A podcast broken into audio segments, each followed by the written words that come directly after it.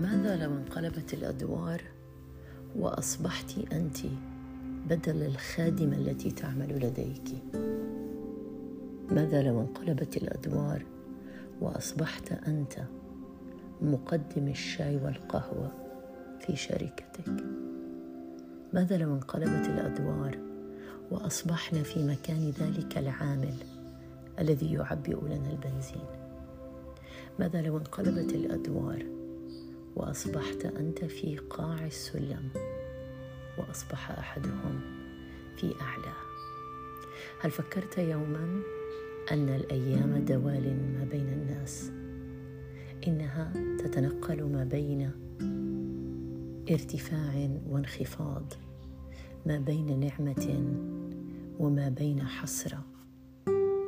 هل فكرت أن لا شيء يدوم لا الجمال لا المال لا السلطة لا شيء يدوم إن سنة الكون هي الزوال ولا يبقى إلا وجه الله الكريم.